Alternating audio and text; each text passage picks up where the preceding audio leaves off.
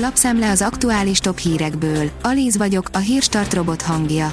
Ma május 10-e, Ármin és Pálma névnapja van. A 24.hu oldalon olvasható, hogy rendőrség kibertámadás érte a vakcinás oldalt.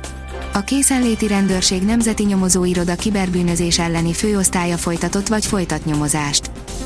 A 444.hu oldalon olvasható, hogy ez lehet a magyarázata annak, hogy miért ajánlottak fel 18 év alattiaknak is kínai vakcinát párhuzamosan futó oltási programok és a regisztrációs rendszer programozásánál rosszul beállított születési korhatár miatt is kaphattak ajánlatot olyan oltóanyagra fiatalok, amivel nem is olthatják őket.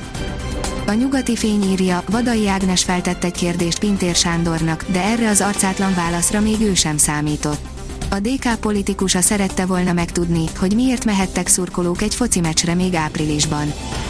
A napi.hu szerint lépett a magyar Penny Market minden vásárlót érint. A boltlánc korszerűsíti több üzletét, ezeknek változik a neve is. A Market helyére pont kerül. A 168.hu oldalon olvasható, hogy kínai tudósok 2015-ben biofegyverként vizsgálták a koronavírusokat. Egy kínai tudósok és egészségügyi tisztviselők által írt dokumentum évekkel a koronavírus világjárvány kitörése előtt megállapította, hogy a SARS koronavírusok a biológiai fegyverek új korszakát jelenthetik. Az M4 írja, jövőre még több egészségügyi szolgáltatási járulékot kell fizetni. Az egészségügyi szolgáltatási járulék immár évről évre változó összeg. Ennek köszönhetően a jövő évi költségvetési törvényjavaslat 2022-re már 8250 forintos egészségügyi szolgáltatási járulékot rögzít. A Bitport szerint mégsem lesz könnyű Kínából csip nagyhatalmat csinálni. A kínai félvezető berendezést építő vállalatok többsége 14-28 nanométeres technológiához szállít eszközöket. Legalább két-három generációnyi a lemaradásuk. Az a TV szerint Molnár Zsolt tud egy forgatókönyvet Karácsony Gergely bejelentéséről. Bár Karácsony Gergely még be sem jelentette hivatalos indulását az ellenzéki előválasztáson, a Publikus felmérése szerint az ellenzéki szavazók őt tartják Orbán Viktor legesélyesebb kihívójának.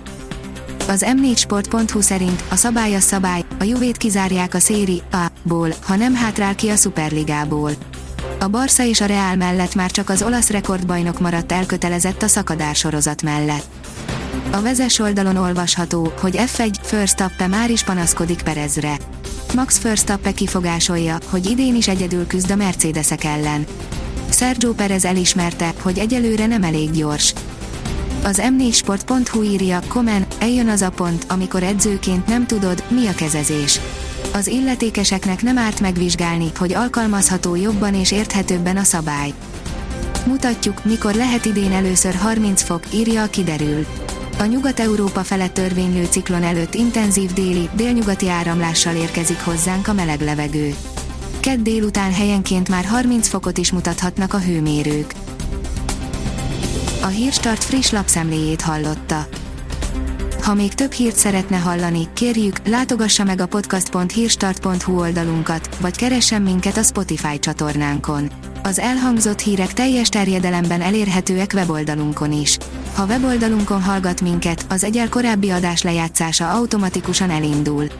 Beállíthatja, hogy az összes korábbi adás, vagy csak az aktuális tematika hírei következzenek. Köszönjük, hogy minket hallgatott!